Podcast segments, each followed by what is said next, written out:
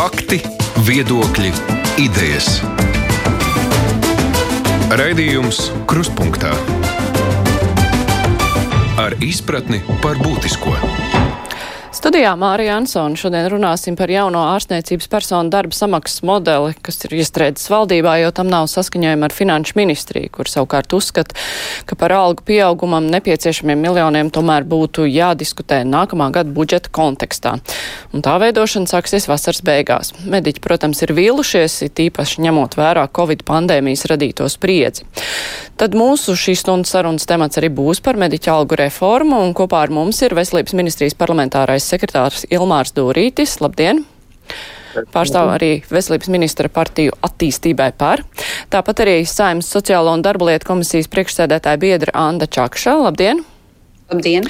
Jūs pārstāvat jaunās vienotības viedokli, lai gan esat pie frakcijām nepiedaroša deputāte. Es paskaidrošu klausītājiem, ka mēs aicinājām premjera biroja pārstāvi, kur savukārt deleģēja jūs. Tāpat kopā ar mums ir Latvijas Veselības ekonomikas asociācijas vadītāja Daiga Behmane. Sveicināti!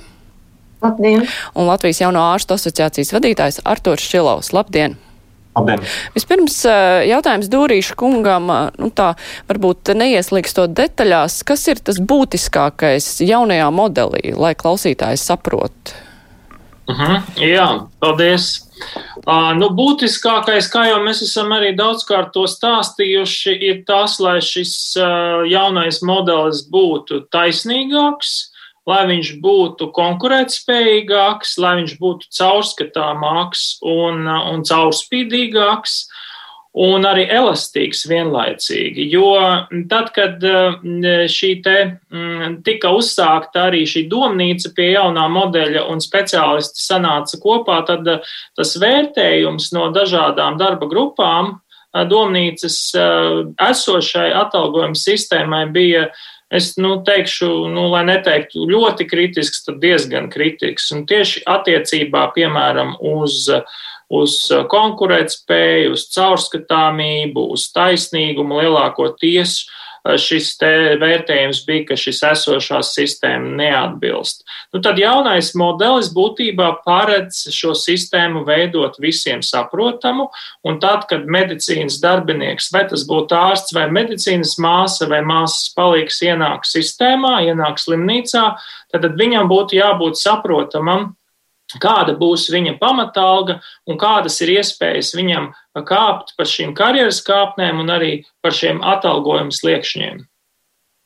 Čakšs kundze, nu, finanšu ministrs domā, ka par to ir jālem kontekstā ar nākamā gada budžetu. Premjers ir aicinājis sēsties veselības ministru, finanšu ministru pie viena saruna galda, bet, nu, kopumā, nu, tad kāda īsti ir tā noskaņa partijā, jo Protams, var par to lemt eh, rudenī. Tajā pašā laikā nu, bija jau plāns uh, uh, sākt jau šogad strādāt pie šī modeļa ieviešanas. Uh, nu, kādas īsti noskaņas valda premjera finanšu ministra pārstāvētajā partijā?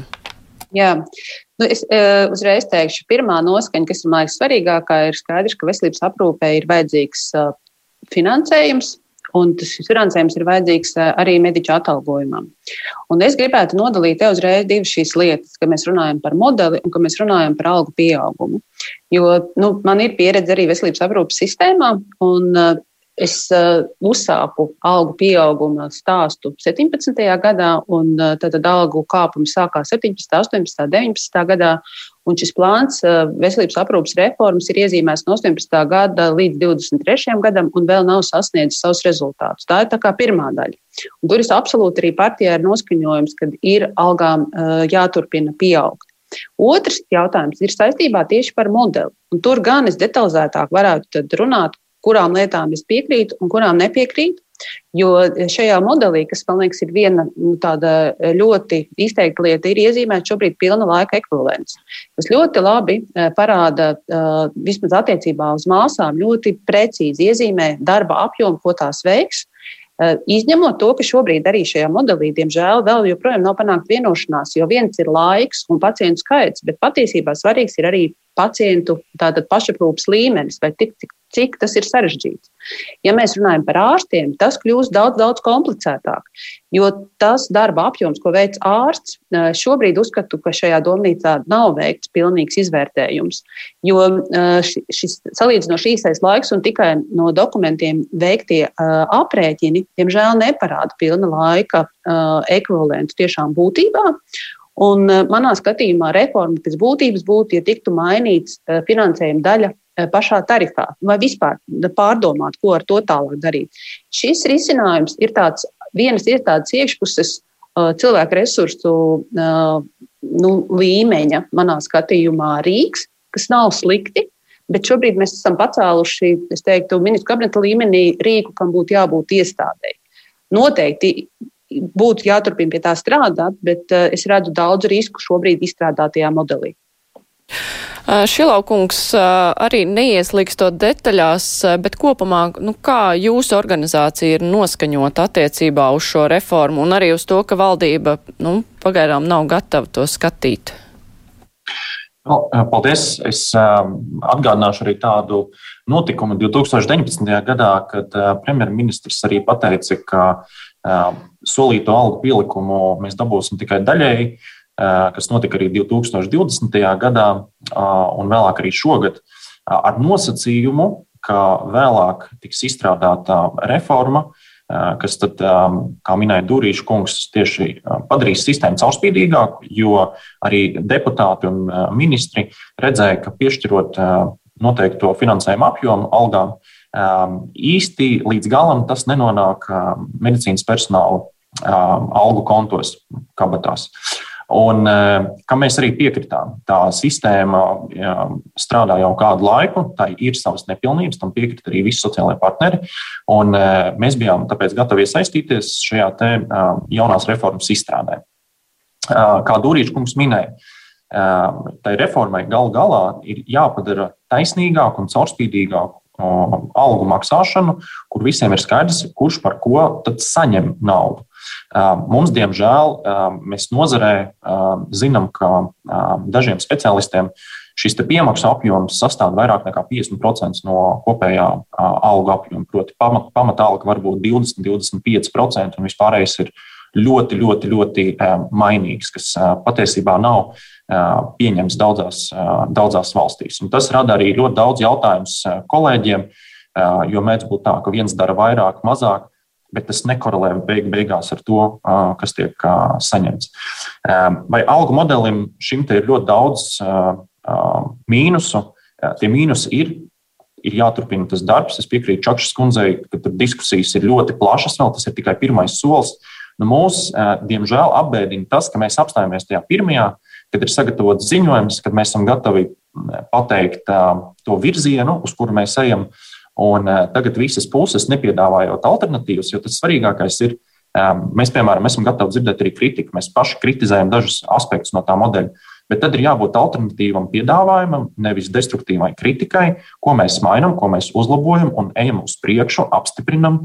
Jo eh, nozare, es uzreiz varu pateikt, nozare negaidīs. Nu, mums nav tie pieci gadi. Es šodien vēl salīdzināju datus no 2008. gada līdz šim gadam kā um, ieguldīja naudu veselības aprūpē Igaunija, Lietuva un mēs diametrāli dažāda situācija. Mums, mēs nevaram tagad pateikt, nu, trīs, četrus gadus no 2017. jau pieminētā gada mēs esam kaut ko ieguldījuši, gaidīsim vēl piecus gadus. Nu, tādiem žēl uh, nevarēs noteikt. Uh, tā situācija ar cilvēku resursiem ir īpaša. Viņi jau turpināsies. Mēs nekā, ne no kādas krīzes uh, situācijas neiziesim ārā, pat ja Covid pacientu skaits samazināsies. Bekmans kundze, kā jūs redzat šo situāciju? Jā, ir sagatavots reformas projekts, jā, tur ir problēmas, vai ir jāsteidz mēģināt to pieņemt, varbūt uzlabot, vai tomēr ir jābūt uzmanīgākiem un jāgaida, nu, tajā skaitā arī, nu, kopskatā jāskatās ar nākamā gada budžetu. Arī ņemot vērā jūtīgo situāciju, kāda veselības aprūpē ir izveidojusies saistībā ar Covid un to, cik cilvēki ir pārslogoti. Kā jūs redzat, vai tāda piebremzēšana ir pieņemama vai nav pieņemama? Jā, es domāju, ka jāpaskatās vispār uz kontekstu plašākā nozīmē, jo būtībā no ārsta atalgojuma modelis, nu arī šis virsraksts būtībā it kā pasaka to, ka mēs runājam par visiem ārstiem, par visu veselības aprūpas sistēmu. Bet tomēr, ja mēs paskatāmies dziļāk dokumentā, tad dokuments runā par publisko sistēmu un dokuments runā par slimnīcām. Nu, pamatā. Jo nu, šeit iztrūkst ļoti daudz lietas. Pirmkārt, tajā modelī, tāpēc, ka viņš runā tikai par vienu daļu no veselības aprūpas sistēmas, bet, diemžēl, nerunā par, par visu veselības aprūpas sistēmu kopumā. Un būtībā, manuprāt, skatīties tikai šobrīd atsevišķi atrauti uz publiskām, publiski finansētām slimnīcām ir diezgan bīstami un riskanti. Jo ko tas nozīmē? Tas nozīmē to, ka tie ārsti, uz ko šajā dokumentā mēs attiecinām atalgojuma veidošanu, būtībā tie paši ārsti strādā arī ambulatorā aprūpē, un tie paši ārsti strādā arī privātās iestādēs. Un Latvijā tad jāsaka, ir mums ļoti svarīgi, pirms mēs šādus dokumentus virsam, saprast mērķi, ar kādu mēs šo dokumentu virsam, un arī mēģināt noprognozēt, kādas būs sekas. Jo šeit, nu, no skatoties, un teiksim, tādu no veselības ekonomikas puses, analizējot, es nedomāju, ka šis uh, modelis uh, stimulēs to, ka lielā mērā ārsti ļoti gribēs strādāt publiskās sistēmas slimnīcās. Būtībā šobrīd ārsti strādā divās, trīs vietās. Viņiem ir iespēja strādāt arī privātā sistēmā, kas diemžēl ir tā attīstījusies tikai tāpēc, ka publiskā sistēma nav bijusi pareizi vadīta un viņa nav bijusi ekonomiski pareizi arī uh, vadīta un, un plānota. Un līdz ar to šī privātā sistēma ir attīstījusies. Un tātad mēs uz, tad ar šo modeli mēs noteiksim ārstam noteikts nosacījums publiskā slimnīcā, domājot, ka viņš tātad izvēlēsies šo pilnu laika darbu šajā slimnīcā. Bet būtībā tie ekonomiskie parametri, kas šajā modelī ir iekļauti, būtībā nu, ir ļoti riskanti un ne līdz galam pamatot to, ka tas patiešām notiks, tas, ko mēs esam ar šo modeli plānojuši. Bet principā tam mērķim vajadzētu būt, lai ārsti tad eh, strādā kaut kur, nu, kādā konkrētā vietā, nevis tur, tur un tur. Tādam mērķim vajadzētu būt. Jā, tādam mērķim vajadzētu būt, un mērķim noteikti ir jātīsta publiskā veselības aprūpas sistēma. Es saku publiskā, tāpēc, ka tur iekļauts gan valstī piedarošās slimnīcas, gan arī pašvaldībām piedarošās slimnīcas. Un būtībā šīm slimnīcām ir ļoti liela nozīme, bet tātad mums ir jārada apstākļi, lai būtībā šīs slimnīcas varētu rentabli strādāt un ar peļņu. Bet te tas atslēgas vārds ir tarifi un pakalpojumu apmaksas sistēma. Ja mēs vienlīdz ātri un arī teiksim, sekmīgi nerisināsim šo te pakalpojumu apmaksu šajās slimnīcās, tad būtībā nekāds šāds te modelis būtībā neglābs šo te publisko sistēmu.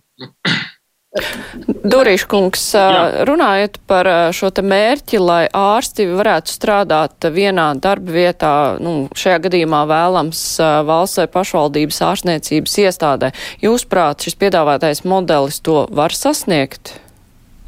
Neapšaubāmi, kad skaidrība atalgojuma sistēmā, jebkurā iestādē, vai tā būtu publiska vai privāta, dod darbiniekam nu, vēlmi tur būt un, un strādāt. Bet es tomēr gribu arī reflektēt uz to, ko teica Bekmans kundze un pārējie runātāji. Nu, respektīvi, kolēģi, mums ir jāsaprot tas, ka uh, tiešām šī ārstniecības personu atalgojuma sistēmas reforma ir uh, nepieciešama un ļoti strauji nepieciešama, jo mēs zinām, ka patreiz veselības aprūpe Latvijā arī, un, protams, visā pasaulē ir diezgan lielā krīzē.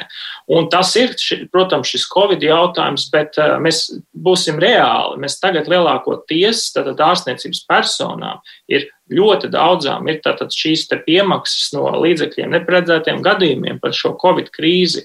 Tātad, atgriežoties eh, pie vecās sistēmas pēc krīzes, eh, nekāds uzlabojums nebūs. Mēs esam diezgan eh, veselības ministri arī mm, pārsteigti par to, ka vēl 2019. gadā premjers mm, būtībā uz, uzdeva veselības ministrijai un ministrei strādāt pie šīs atalgojuma reformas medicīnas nozarē. Mēs to esam darījuši, un praktiski tiešām nav tā, tā nav tiesa, ka tā, šī, šis modelis aptvertu tikai kaut kādas vienas atsevišķas konkrētas slimnīcas. Tas ir visaptverošs un arī dažādu līmeņu speciālistus aptverošs. Un faktiski, ja šis informatīvais ziņojums netiktu bremzēts patreiz valdībā, tad attiecīgi veselības ministrija jau bija plānojusi un plāno ķerties klāt jau attiecīgo normatīvo aktu izstrādē, lai varētu sagatavot šī modeļa ieviešanu. Mēs paredzam, un arī runājot par šo budžetu jautājumu, mēs neapšaubām šis modelis izstrādāts un tiks pielāgots arī atbilstoši budžeta iespējām. Tas arī paredzēts valdības protokola lēmumā. Ja? Un, ja šī reforma virzīsies uz priekšu, tad principā 2025. gadā mērķa alga ārstiem varētu būt 3615 eiro, bet tas ir tātad šī pamata alga par pilnlaika ekvivalentu, plus, protams, piemaksas un dažādas citas motivējošas, motivējošas jautājumi ja, un, un piemaksas. Nu, labi, es pāradresēšu tad jautājumu Šilau kungam, vai jūs šajā modelī redzat uh, to, nu, kā ārsti, jūs tajā skaitā esat uh, motivēts strādāt uh, vienā valsts slimnīcā kā pamatdarbā, jo arī Čakšs kundze norādīja, nu, ka tas, kas pieklibo šajā modelī, ir principi, kādā veidā tas darba apjoms tiek noteikts. Jūs arī minējāt, ka tur ir kaut kādi trūkumi kopumā labi, bet uh, trūkumi ir šajā darba apjoma note noteikšanā. Kā jūs raksturotu? Jā, es sapratu jautājumu. Um, nu, ir tā, ka, ja mēs runājam par to pilnu laika ekvivalentu, kas jau izskanēja, tad tas ir tāds saraksts ar lietām, ko ārstam vai māsai ir savas pilnas slodzes uh, ietvaros, ir jāizdara. Vai šobrīd šis ir nodefinēts visām specialitātēm un māsām un citam medicīnas personālam? Nē, nav. Šis ir tāds ievirziens, jo pretējā gadījumā būs vienkārši izdarīts darbs, ko neviens pēc tam nekur neapstiprinās. Un, nebūs jēgas, tam vienkārši nebija jēga. Tad, jā, šobrīd, ja tiktu definēts, tas jau atvieglot ļoti daudz ko, jo Nu, klausītājiem varbūt, kas no malas varētu likties tas dīvaini, bet, diemžēl, tas tā nu, gadu gadiem ir sistēma izveidojusies, ka ne, tas darbs nav proporcionāls, darba apjoms nav proporcionāls visiem vienas nodaļas, klīnikas vai slimnīcas ietvaros. Un, manuprāt, šis ir tas būtiskākais, kur ir ļoti nepieciešama skaidra datu analīze, kā mēs nonākam līdz tam, cik daudz un ko kurš dara un kas ir tas pilna laika ekvivalents katrā specialitātē. Bet, kā jau minēju, mūsuprāt, tas ir jādara paralēli. Tiek apstiprināts informatīvais ziņojums, un tad mēs ejam uz to, ka mēs arī šo uh, izstrādājam. Uh, māsām tas ir vieglāk, ko Čakšs kundze jau pieminēja taisnība, tur es arī piekritīšu. bet es gribētu arī pateikt to, ļoti precīzi sākumā tika pateikts, ka ir jānodala finansēšana no reformas. Ja mēs runājam par finansēšanu, tad šobrīd mēs pa lielam nekur tālu nevirzamies. Nav skaidrs, kā tad algas palielināsies kopumā. Premjeras ir skaidri devis ziņu, ka esošās sistēmas ietvaros palielinājums nebūs. Nu, tad tai reformai jābūt tiešām tagad un tūlīt, vai viņai jābūt sasteigtai. Es piekritīšu, nav jābūt sasteigtai.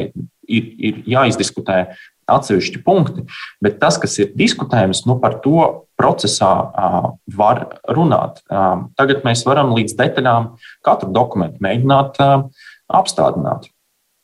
Čakškundze, vai ir vērts tagad vienkārši iet uz priekšu nu, un tad tālākajās diskusijās skatīties tālāk, jo nu, tas, ko valdība pagaidām ir izdarījis, ir vienkārši neskata. Un, ja mēs ņemam, ka kontekstam ir jābūt nākamā gada budžetam, nu, tad ir sajūta, ka runa ir tikai par naudu, nevis par pašu šo ārstu algu, mediķu algu modeli. Man liekas, ka te ir eh, viena svarīga ziņa, eh, kas ir jānodod ārstiem, ka atalgojuma pieaugumam ir jābūt, un to premjeras atbalsta, un arī finanšu ministrs atbalsta, ka tam ir jābūt.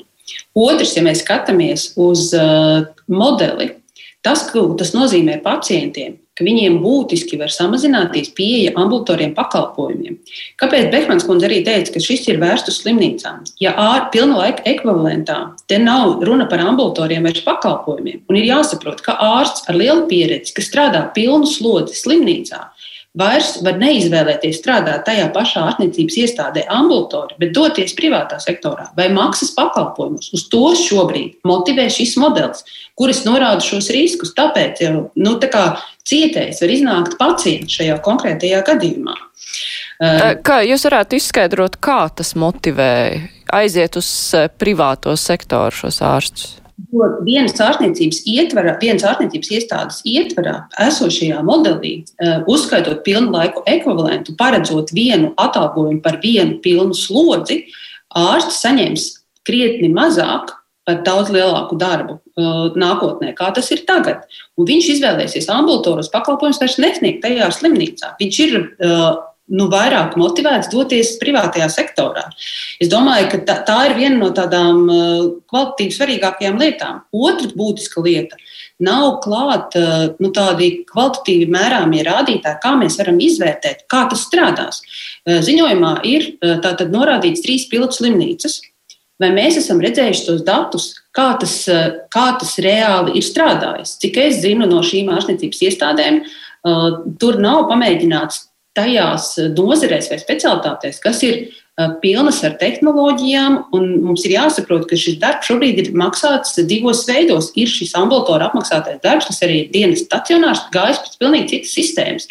Un daudz kas nav vienkārši uzskaitīts, jo tas līdz šim nav bijis iekšā slodzē, tā ir bijusi akorda alga. Un tur ir kombinētas dažādas šīs metodas, līdz ar to mēs paliekam ļoti sarežģīti, bet būtībā šī veselības aprūpes Uh, atalgojuma sistēma ir ļoti komplicēta, ko vienkārši, es atvainojos, piecās domnīcās nevar atrisināt. Tur nav bijis līdzsakojums katrai specialitātei. Jā, ir jāvirzās uz priekšu, bet varbūt tas pilots ir jā, jāveido kopā māsām, ņemot vērā, ka viņas šajā pilna laika ekvivalentā ļoti labi iedarās, mēs redzēsim, kas tur vēl var izlīst ārā par īlēniem.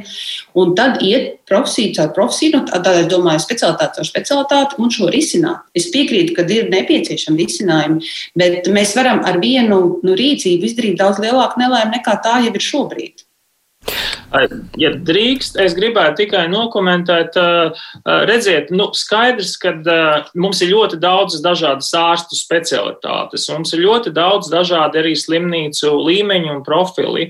Un neapšaubāmi, ka neviens modelis, lai kāds tas būtu, nevar būt tik detalizēts, lai atrunātu pilnīgi katra speciālista, teiksim, to atalgojumu un tās komponentes. Modelis ir veidots tā, ka tiek šeit apskatītas lielās lietas, piemēram, vai pilna laika ekvivalentā, vai ārsta slodzē ir jābūt darba samaksai par darbu, piemēram, konsultācijās, vai par darbu ambulatorijā, praks, teiksim, praksē, vai par darbu dienas stacionārā. Ja? Un tālāk jau nonākot konkrētas veselības aprūpas iestādes līmenī, tad, tad iestādes vadītājam un iestādēji un iestādes valdei, tad ir šis te viņu atbildības līmenis, kur atbilstoši vispārējiem nosacījumiem tiek veidota caurspīdīga un saprotama atalgojuma sistēma nu, visiem. Pilna laika ekvivalents ir, lai salīdzinātu darba apjomu visā Latvijā un nomērītu to, ka tas ir par līdzvērtīgi. Teiksim, mēs skatāmies, ka ārsts Liepājā, ārsts Saldu un ārsts Rīgā, balstoties uz pilna laika ekvivalentu, veic vienādu apjomu darbu. Un tāpēc, ja valsts definē šo pilnlaika ekvivalentu, viņam uzreiz ir jābūt stipri precīzam. Mēs ne, te ir tas ļoti svarīgais moments. Protams, protams, bet skaidrs, ka tāda iespējams konsultācija, kādu veiks ārsts Liepājā, ar savu specifiku iespējams atšķirsies kādā citā slimnīcā. Bet tas ir, teiksim, tas, es domāju, ka mums kolēģi svarīgi ir saprast, ka mēs jau varam, protams, šo it kā nu, izstrādāto reformu tā kā nevirzīt tālāk, bet tad mēs esam tajā nulles punktā un mēs esam tajā vietā, nu, jo arī jāsaprot tas, kad nu, tik lielā sistēmā ir jāiet soli pa solim, visu to zemi 40 centimetru dziļumā nekad nevar uzārt viņa pa, pa, pa, pa slānītim ir, ir jākārto. Un tas, tas, manuprāt, ir tas, ko dara šis modelis. Šilaukungs arī gribēja komentēt.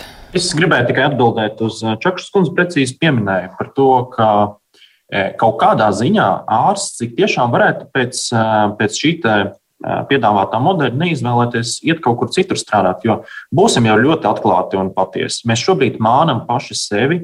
Ārsts strādā nenormālas stundas, Mēs nerunāsim par to mazo daļu, kas strādā iespējams mazas stundas, bet tagad mēs runājam par to vidējo. Ārsts strādā lielas stundas, skrien uz privātajām iestādēm, lai varētu tiešām pabarot ģimeni. Lielajās slimnīcās, universitātes slimnīcās strādā tāpēc, ka ir iespēja augt, ir sarežģīti gadījumi, ir iespēja redzēt arī interesantus gadījumus, iespējams, tie ir rezidenti, kurus patīk mācīt, pētniecība, ar kuru gribās nodarboties. Un tad mums sanāk tā, ka tik tiešām ārsts var beidzot sākt izvēlēties, ka viņš negrib piecos darbos strādāt. Un tas ir tas, ko mēs jau redzējām šos pēdējos gadus, palielinot algas. Uh, gan māte, īpaši tas bija māsu līmenī redzams. Māsa sāk atteikties no tiem papildus, papildus kaut kādām dežūrām, papildus virsstundām, jo cilvēks nevar 20, 30 gadus strādāt tādā režīmā, īpaši 280, 300 stundas un pārstrādājoties. Tā kā daļai taisnība ir, bet nu, tad mēs vienkārši turpināsim visus mānīt un izlikties, ka viss ir, viss ir labi, strādājot sestdien vienā dežūrā, svētdien citā dežūrā, slodzes ir nosektas, un mēs gribam, lai tā turpinātos. Nu, tā īsti, mūsuprāt, nevar, nevar iet tālāk. Bekmans kundze, vai jūs arī redzat problēmu, ka šis modelis eh, liktu ārstiem eh, izvēlēties privāto sektoru, un ka tas veidojas arī tāpēc, ka, kā jūs sākumā minējāt, ka te nav komplekss skatīts publiskais un privātais sektors veselības aprūpē? Kā jau es teicu, tad būtībā pirms mēs sākam tādu modeļu izveidi, ir jāvienojas par konceptuālām lietām. Un šobrīd mēs esam tajā, tajā uh, pozīcijā, nu, tajā līmenī, kad uh, mēs esam detaļas izstrādājuši. Nu, kā jau arī Šilokungs teica, tas ir par slimnīcu. Tas ir īstenībā par lielo slimnīcu vairāk runa. Mēs esam šīs detaļas mēģinājuši izstrādāt, bet mēs neesam vienojušies par konceptuālām lietām. Mēs patiešām neesam vienojušies par šo te valsts un, un privātā kapitāla lomu veselības aprūpē. Mēs neesam arī sprieduši par šīm pakalpojumu apmaksas sistēmām, vai mēs turpināsim apmaksāt pēc DRG, vai mēs, piemēram, tur, vai mēs stimulēsim, nākamais solis būs vienkārši slimnīcas finansēt pēc globālā budžeta principiem. Jūs varētu ļoti, sīkāk paskaidrot klausītājiem, nu, piemēram, kas ir DRG? Jā, nu, tā DRG tas ir gadījuma apmaksa. Ja mēs runājam par par, teiksim, par veselības aprūpas pakalpojumu specifiku, tad specifika ir ļoti dažāda. Nu, piemēram, dažādas sarežģītības operācijas, dažāds laika patēriņš. Viena operācija ir stundu, viena, piemēram, ir trīs stundas gara vai vēl ilgāk. Ja? Un DRG tas ir samaksa, kad Nacionālais veselības dienas slimnīcai samaksā par šo gadījumu, kas var ietvert arī tur vairākas uh, dienas pacientam uzturēšanos slimnīcā, visas manipulācijas, operācijas un tā tālāk. Tā ir samaksa par gadījumu. Tajā gadījumā arī ārstam akorda alga ir daudz piemērotāka, jo tāpēc, ka tā, tā samaksa jau no Nacionālā veselības dienas nāk caur gadījumu, un arī ārsts saņems daļu darba algas par šo veikto gadījumu. Tātad savu darbu par šo veikto gadījumu. Plus ārsts noteikti tajā dienā, iespējams, vēl vakarā ies uz kādu konsīliju, varbūt tas būs vēl kāds ārkārtas konsultēšanas gadījums un tā tālāk. Un, manuprāt, izstrādāt šādu te um, visiem ārstiem vienādu laika, pilna laika ekvivalentu aprakstu, kas tad ārstam ir jādara, praktiski ir neiespējami. Manuprāt, tā ir tāda alošanās, ka mēs to varam izdarīt. Tā kā tika minēts, jā, to var pa katrā specialitātē iespējams.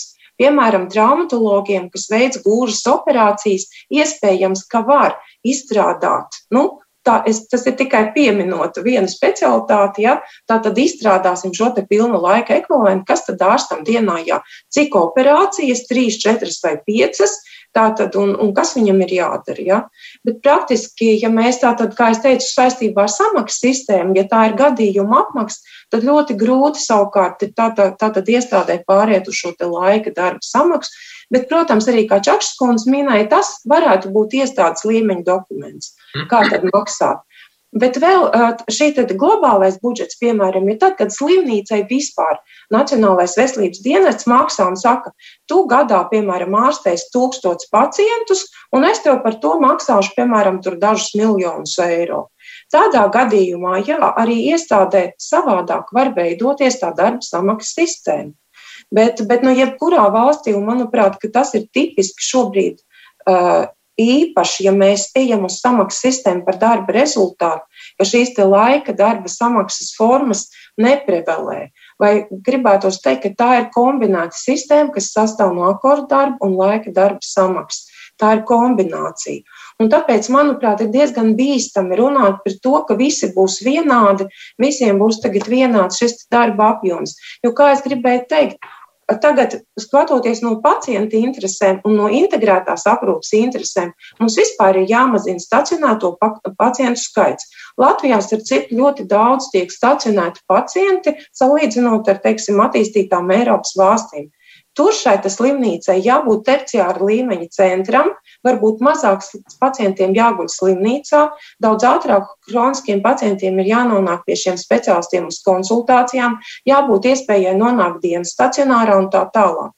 Un būtībā tā darbībai, slimnīcas darbība caur samaksas sistēmu var būt daudz fleksiblāka. Latvijā šīs slimnīcas darbība ir ļoti tāda iecirsta arī pacients, kurš ir stacionēts vienā nodaļā, piemēram, viņš nevar saņemt cita veida izmeklējumu, kas nav paredzēts tai nodaļai. Samaksa sistēma nav fleksibla. Ko es gribu pateikt, ka tas lielā mērā ir saistīts ar to fleksibilitāti, kāda būs samaksā, kurai jābūt daudz vairāk orientētai uz pacientu rezultātiem. Un līdz ar to ārstam būs jāspēj adaptēties. Vai viņam būs viena vai divas operācijas, vai piecas vienā dienā, vai viņam būs desmit vai piecpadsmit ambulatorie pakalpojumi, pacienti jāapskata. Ja? Tā kā, tā kā es domāju, ka tai jābūt ir kombinētai darba samaksai. Uh par to jau arī Bekmanas kundze ir šis modelis. modelis modeļa viens no principiem ir elasticitāte. Un uh, es gribu varbūt vienu piemēru arī, lai skaidrāk saprastu. Mēs tiešām analizējām arī šajā darba procesā dažādu līmeņu slimnīcas, tā skaitā arī pirmā līmeņa, otrā līmeņa slimnīcas, kas dažas ir privātas, dažas ir pašvaldību pārziņā. Un mēs redzējām, jo šis būtībā šis modelis nav tikai par papildus finansējumu. Modelis arī ir par efektīvāku naudas izmantošanu medicīnā. Un mēs redzējām, ko pirmā līmeņa slimnīcās izrādās, teiksim, ārsta vidējā, atā, vidējā alga būtiski neatšķiras no piektā līmeņa slimnīcas, jeb no universitāšu slimnīcām. Un tad, paskatoties, salīdzinot to darba intensitāti, Eh, neapšaubām jūs piekritīsiet, ka pacientu skaits, kas iziet caur uzņemšanas nodaļu pirmā līmeņa slimnīcā, piemēram, aizkrauklē, un pacientu skaits, kas iziet caur uh, piektā līmeņa slimnīcu vai, piemēram, Rīgas Austrum Klīnisko universitātes slimnīcu, un tas, cik ārstam cilvēki ir jāapskata dienā, ir krasi, krasi atšķirīgs un pat vairākas reizes pārsniedz. Uh, Taču esošā atalgojuma sistēma to tā īsti neievērtē. Tātad tas ir arī stāsts, ka šis jaunais modelis arī skatītos un raudzītos tieši uz šo darba intensitāti un arī, kā jūs teicāt, uz to apkalpoto pacientu skaitu, ja, nosakot, ka 70%, aptuveni 70% ir šis pamata atalgojums, bet 30% un atsevišķos gadījumos un iespējams specifiskās situācijās vēl Vairāk ir tātad šis piemaksas un papildus atalgojums par intensitāti, par nostrādātajiem, teiksim, specifiskajiem, varbūt pieredzi un citām lietām. Es piekrītu, ka tam ir jābūt ļoti elastīgam, bet tas nav stāsts tikai par papildus naudu. Tas ir stāsts par efektīvāku naudas izlietošanu vispār medicīnā un atalgošanas, ārstu atalgošanu. Čakškundze.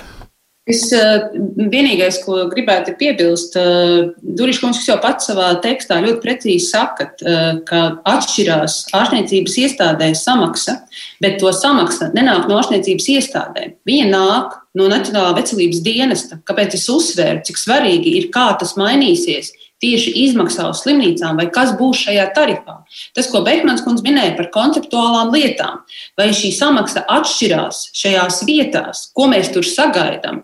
Jo, ja nav šie konceptuālie uzstādījumi, to ārstniecības iestāde vairāk jau tā nav fleksibilitāte. Jo e, tas, ko jūs saprotat ar fleksibilitāti, īsti nav fleksibilitāte ārstniecības iestādē. Jo 30% mainīgā daļa es varu tā piekrist, bet no otras puses tas nozīmē, ka tam ārstam nu, fleksibilitāte nozīmē, ka viņam ir jāsaprot, vai tajā dienā vairāk būs ambulatorie pacienti, vai tā ir ķirurģija, vai tās ir konsultācijas, un vai iespējams vienkārši stundu jāsēž grāmatās, jo tas ir ļoti rets gadījums. Un, un tur ir ļoti jāsaprot, kā to visu organizēt. Un pilnlaika ekvivalents šobrīd to neparedz. Ir, ja tā būtu reforma, tas būtu Nacionālā veselības dienesta līmenī, tarifu līmenī. Šobrīd jūs esat tiešām sagatavojuši labu cilvēku resursu dokumentu, bet tas nav reformu līmenī.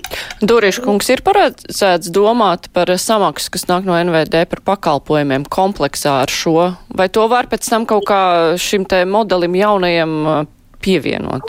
Protams, ka, uh, protams, ka tarifu jautājums ir uh, neatraujams no jaunā ārstniecības modeļa.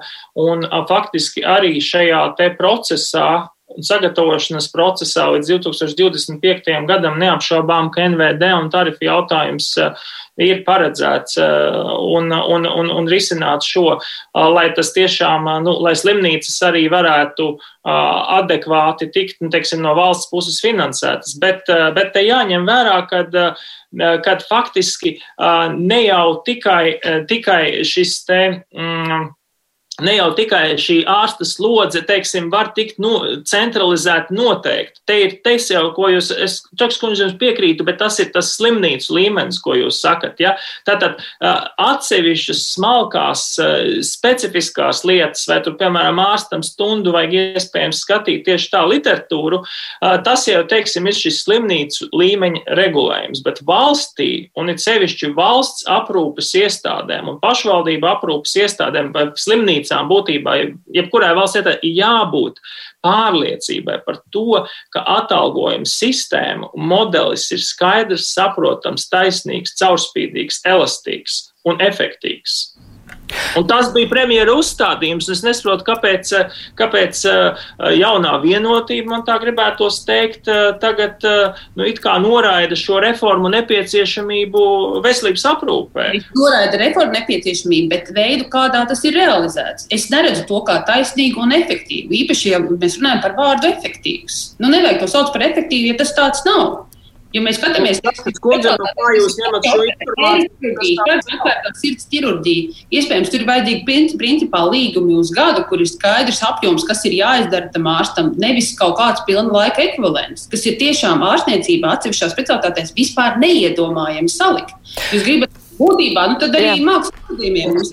Jā, es saprotu, ka atšķiras viedokļi par to, cik šis modelis ir efektīvs, bet man tomēr ir jāatgādina klausītājiem un Latvijas televīzijas skatītājiem, ka šodien kopā ar mums ir Veselības ministrijas parlamentārais sekretārs Ilmārs Dūrītis, arī Anda Čakša, Saimnes sociālo un darba lietu komisijas priekšsēdētāja biedra Daiga Behmana, Latvijas Veselības ekonomikas asociācijas vadītāja un Artūrs Šilovs, Latvijas jauno ārstu asociācijas vadītājs. Raidījums Krustpunktā. Es pieļauju, ka partiju starpā šis jautājums arī vēl tiks savstarpēji diskutēts, bet es gribēju vaicāt Šilau kungam. Um, es nolasīšu vienu klausītāju jautājumu, kas īstenībā ir tas, kas visvairāk uh, cilvēkus interesē šīs reformas kontekstā, vai pieņemot jauno modeli, es kā nodokļu maksātājs varēšu saņemt valsts medicīniskos pakalpojumus bez rindām, kuras ilgst pusgadu. Jūs jau minējāt, ka uh, medicīnas māsas, nu, saņemot labākas algas, arī pārstāja strādāt N darba vietās, jo viņas vienkārši tur pārstrādājās, un ka cilvēks nevar pārslodzes režīmā strādāt ilgstoši. Vai šis modelis, jebkā pozitīvi, nu, tādā pārskatāmā nākotnē ietekmēs cilvēku resursus veselības aprūpē? Es domāju, ka īstermiņā visdrīzāk nē. Ilgtermiņā noteikti jā, jo īstermiņā, piedodiet, bet mēs esam tik daudzus finanšu apjomu ziņā tālu no pārējām valstīm. Un, ja mēs paskatāmies uz kopējiem budžeta izdevumiem, nevis kopējiem, bet veselības aprūpēji, atvēlēto līdzekļu apjomu no kopējiem mūsu valsts tēriņiem, tad tie mums apmēram ir 11-12%. Vācija, Francija, Itālija. Tie ir daudz vairāk, gandrīz divreiz vairāk no absolūtos skaitļos no procentos no kopējiem valsts tēriņiem. Diemžēl jāsaka, ka tas, ko es gribēju atbildēt arī uz Čakšas kundzes sacīto, šis modelis brīdī, ja mēs sākam pielietot šo pilnu laika ekvivalentu un sākam mazliet domāt, ka, ko tad mums vispār ārstiem ir jādara un kādā apjomā, Tas um, un daudzas klīnikas un nodaļas, kas pamodelē šo situāciju, paskaitīja, paskatījās, cik daudz viņi gada ietvaros uh, aprūpē pacientus, cik daudz manipulācijas izpildu. Ja to sadala uz cilvēkiem, un viņi salīdzina to ar ārzemēm, sanāk tā, ka viņi dara daudz, daudz vairāk. Un šis ir arī moments, kad uh, brīdī, ja mēs sākam mazliet piedomāt pie šī, analizēt datus, tad mums ir vieglāk atbildēt uz jautājumu, kāpēc mums noteiktajā konkrētajā nodaļā ir tik daudz ārstu slodzes, un kurā brīdī tur parādās jaunas slodzes. Tas arī attiecās uz jauniem ārstiem, kas ieplūst sistēmā un strādā valsts, eh, valsts veselības aprūpas sistēmā. Viņiem ir skaidrs, eh, ka viņiem tā slodze tur vai eh, citā nodaļā varētu būt. Pretējā gadījumā šobrīd, kad mēs nu, varam paši sev uzdot jautājumu nodaļu vadītājiem, klīniku vadītājiem, pēc kāda principa tiek veidotas tās slodzes, nu, mums atbildes uz šo jautājumu nav. Un tas, no kā Mēs labprāt izvairītos, ka, piemēram, māsām šobrīd daudzām māsām ir banāli 25, 20 pacienti uz vienu māsu darba dienas ietvaros. Tas nav adekvāts apjoms. Un problēma ir tajā, ja mēs nosakām kaut kādu robežu, tad mums ir jārēķinās, ka to cilvēku resursu mums nav. Tāpēc ir svarīga tā otrā daļa, kas ir finansējums, par ko es minēju pašā sākumā. Mēs nedrīkstam uh, Tagad pateikt, ka piecus gadus mēs strādāsim pie visaptveroša visas sistēmas izmaiņām un reformas, un tad tikai kaut ko sāksim ieguldīt. Bet es arī piekrītu Behmanas kundzei. Diskusija par to, kādā veidā NVD maksā par pakalpojumiem, ir ļoti vietā. Par to ir jārunā un tas ir jāmaina. Tur, man liekas, iebildumu nebūs nevienai pusē. Čakškundze, kā jūs ieteiktu virzīties tālāk? Jūs jau dzirdējāt, gaidīt vēl gadiem, kamēr tiek nu, izstrādāts uh, vēl cits uh, labāks modelis, nu, ārsti nav gatavi. Nu, kā tagad rīkoties?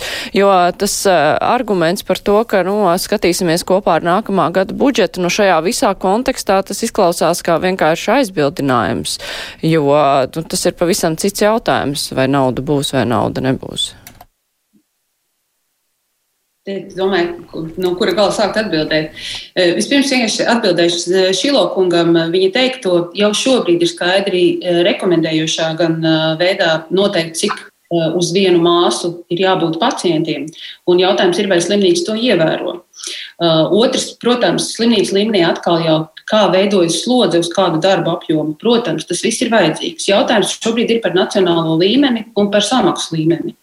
Ja, otrs, pilnīgi legāls jautājums manā skatījumā arī ir no pacientu puses. Jo, ja mēs skatāmies no 18. gada, kad kopējais budžets veselības eh, ministrijai bija 820 miljoni, pret 21. gadu, kad ir 1 miljards 400 miljoni, jautājums ir, vai pacientiem ir nācis klāti uzlabojumi, nu, kaut vai gaidīšanas laikā. Un, man liekas, ka tā arī ir lieta, kas ir jāmonitorē un jāskatās līdz šī kvalitāte. Uh, trešais, ja mēs runājam par to atalgojumu pieaugumu katru gadu, šis plāns tiešām 18. un 23. gadam jau bija skaidri nolikts un arī ministru kabinetā akceptēts Uz tā pamata mēs eh, ieguvām Eiropas eh, komisijas atļauju veikt eh, budžeta deficīta atkāpi, no kura arī sākās atalgojuma pieaugums.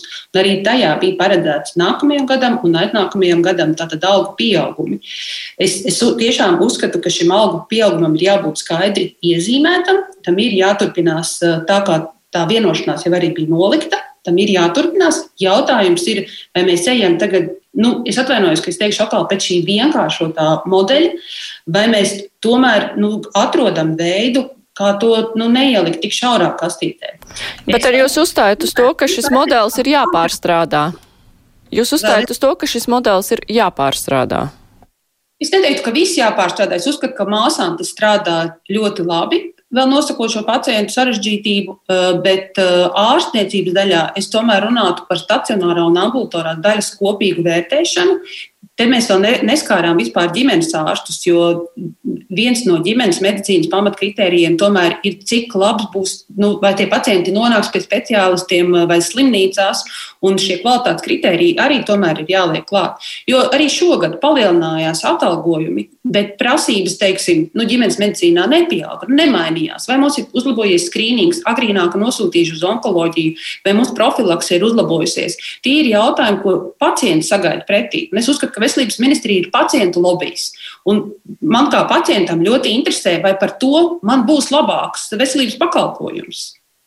Bet, ja jūs sakat, ka ir jāstrādā pie tā, lai būtu vairāk naudas, tad nu, šīs naudas izmantošanai tad ir jānotiek pēc esošajiem principiem, kuri tomēr nu, daudz neapmierina. Nu, es redzu, kā iespēju,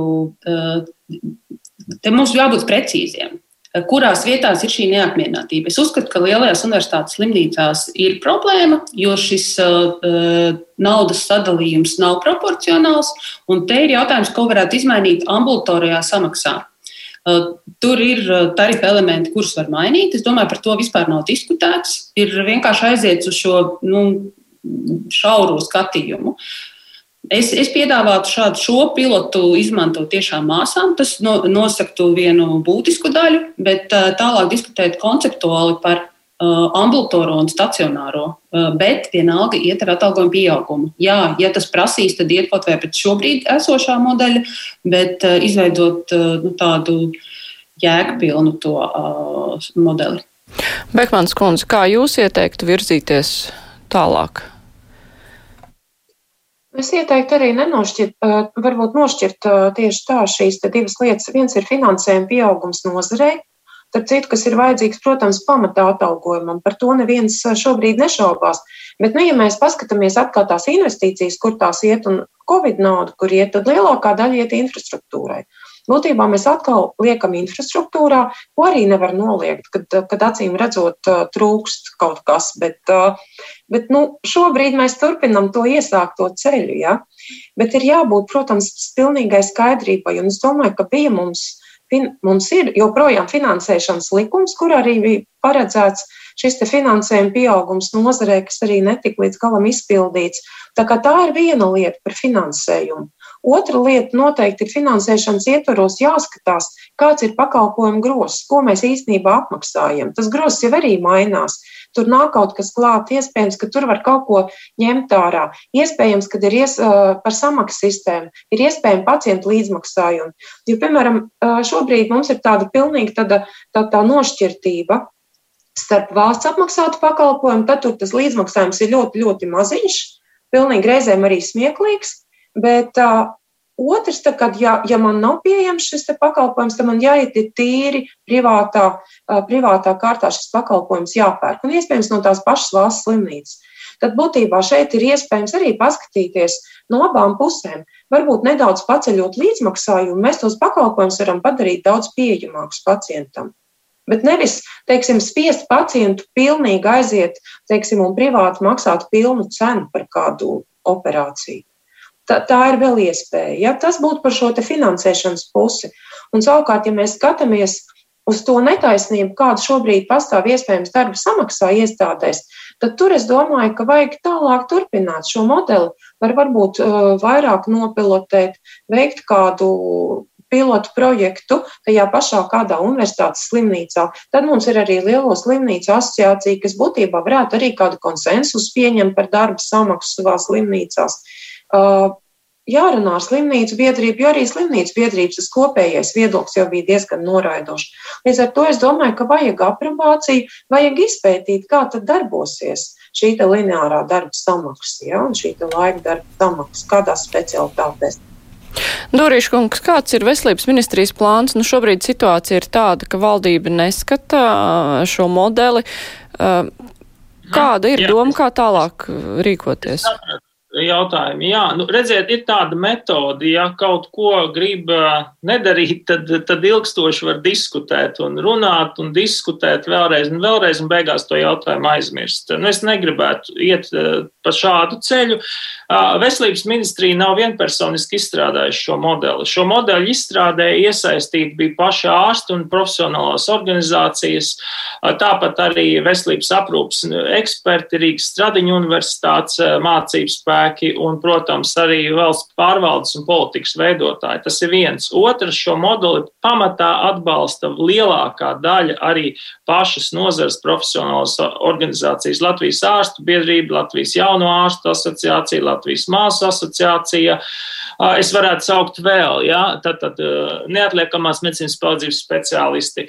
Respektīvi, man ļoti, ļoti būtu žēl, ja šis paveiktais darbs un, šie, un arī šī pilotēšana, kas tagad notiek jau divās slimnīcās, nu, vienkārši kādu nezinu, politiskas greizsirdības vai kādu citu apsvērumu dēļ tiktu, tiktu pamesta un, un mēs atkal atgrieztos nu, tādā iepriekšējā pozīcijā un tādā nekurienē un, un vienkārši. Nu jā, būtu žēl, bet kā jūs rīkosieties? Jūs mēģināsiet mēs, pārliecināt mēs, vēl? Jā, mēs neapšaubām neesam apmetuši, atmetuši šo te darbu malā.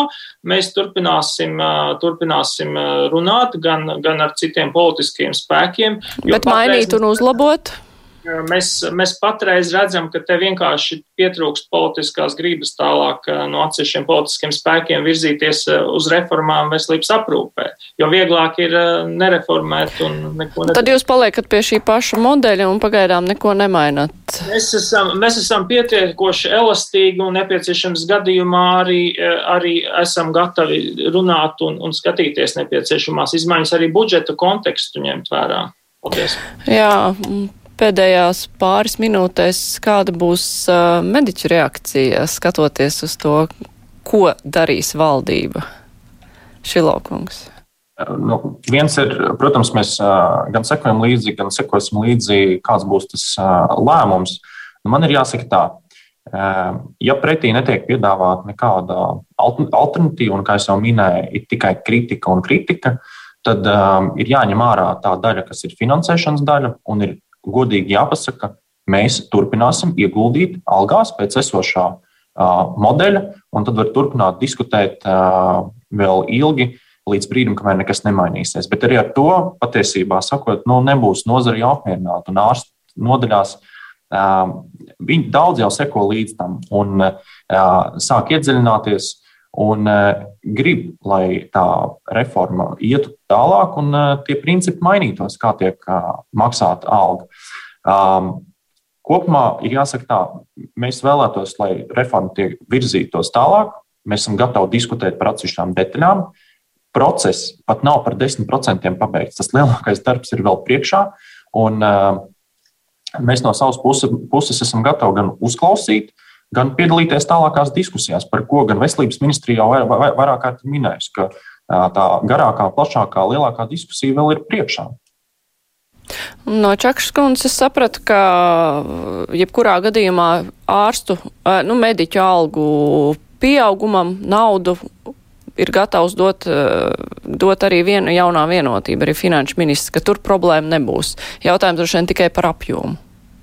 Absolūti. Ja pavisam īsi. Mhm. Es arī no paša sākuma uzsvēru. Es arī esmu par ārstu atalgojumu, vispār par mediķu atalgojumu pieaugumu. Es to esmu darījis savā ministrēšanas laikā, arī tāda kā saimnes deputāte, un arī šobrīd savā partijā par to ļoti daudz runāju. Bet uh, es nepiekrītu Dūrīšu kungu teiktajiem, jo es uzskatu, ka Kad mēs reizē nenovērtējam tas, ko mēs ar vienu rīkojumu izdarām, un pēc tam sekas tiešām atstājam uz visiem pacientiem. Tādēļ tas, tas nav politiska greizsirdība. Es jau pārāk ilgi esmu nozarē. Jā, labi, es teikšu paldies uh, diskusijas dalībniekiem Anda Čakša, Saimas sociālo darbu lietu komisija, Artūrs Širols, Latvijas jauno ārstu asociācija, Daiga Behmana, Latvijas veselības ekonomikas asociācija un Ilmārs Dūrītis, veselības ministrijas parlamentārais sekretārs. Paldies, ka varējāt piedalīties. Raidījums ar to izskan. Producente Evi Junām studijā bija Mārija Ansona Vislaba.